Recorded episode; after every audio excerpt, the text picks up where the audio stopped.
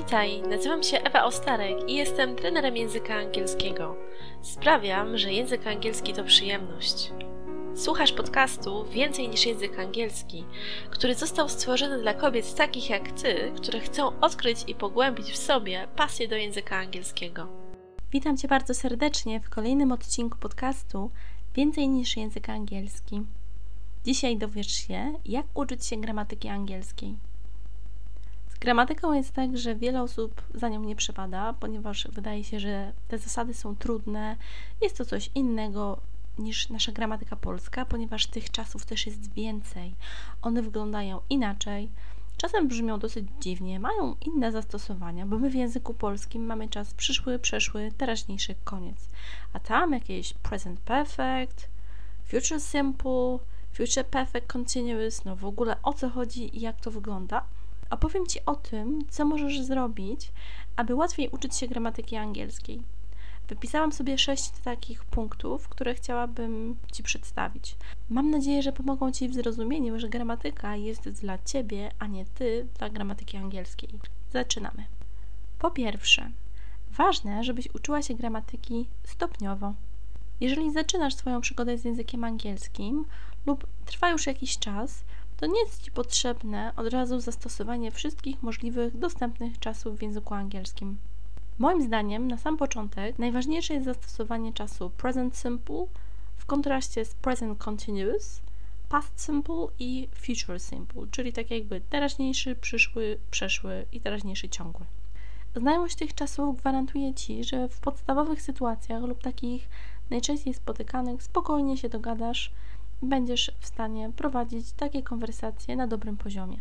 Te czasy może nie pozwolą Ci na mówienie dokładnie o wszystkim, co Cię tam interesuje, te czasy może nie pomogą Ci idealnie zdać jakiś egzamin językowy w formie pisemnej lub części związane z use of English, ale do takiej komunikacji są zupełnie wystarczające, ponieważ pomyśl, czy w sytuacjach życia codziennego potrzebne Ci są bardziej skomplikowane czasy?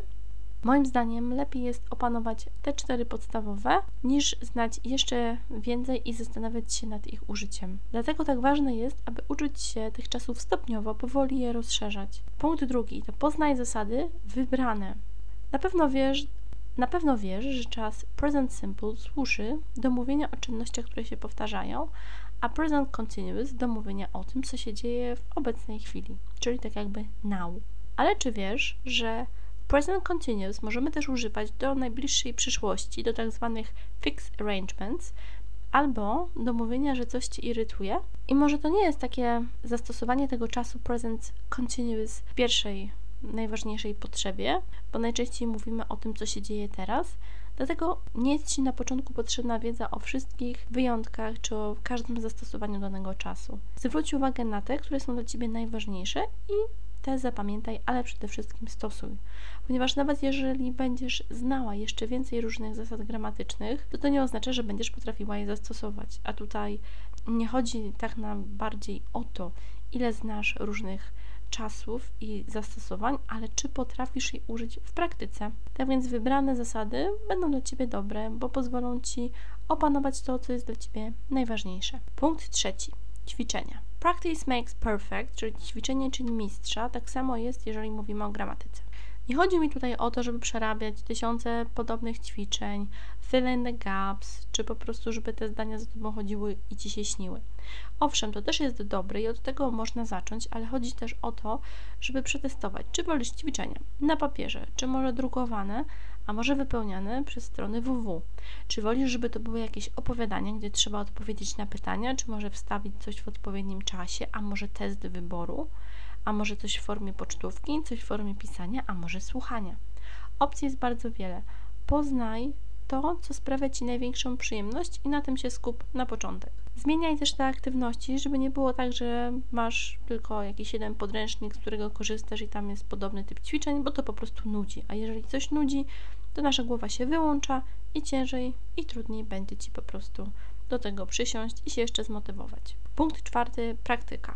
Praktyka jest bardzo ważna, ponieważ dzięki niej automatyzujesz sobie pewne kwestie i starasz się, żeby myśleć już w języku angielskim bez większego zastanowienia.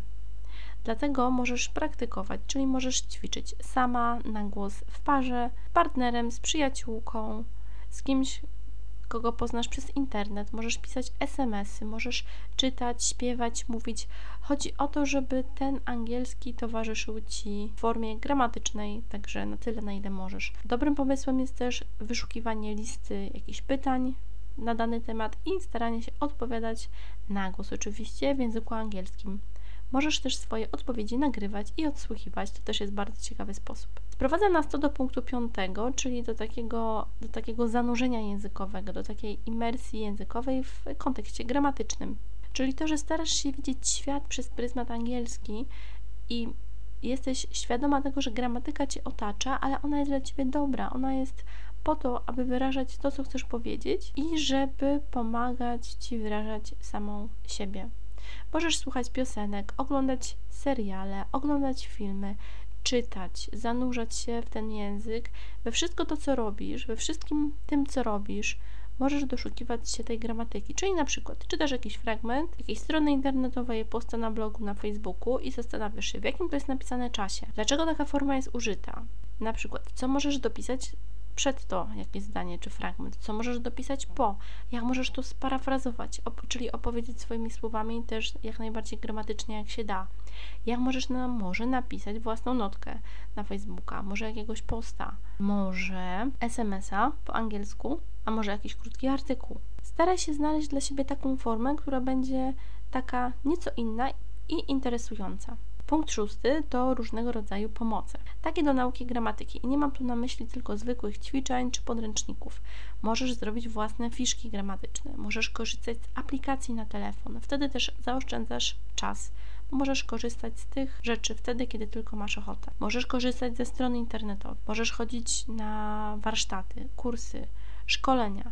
Możesz poszukać w internecie filmików czy filmów na YouTube, jakichś materiałów ćwiczeniowych. Często są na przykład takie materiały w formie fragmentów z seriali czy filmów z napisami angielskimi dla opisania, jaki to jest czas i dlaczego jest takie użycie.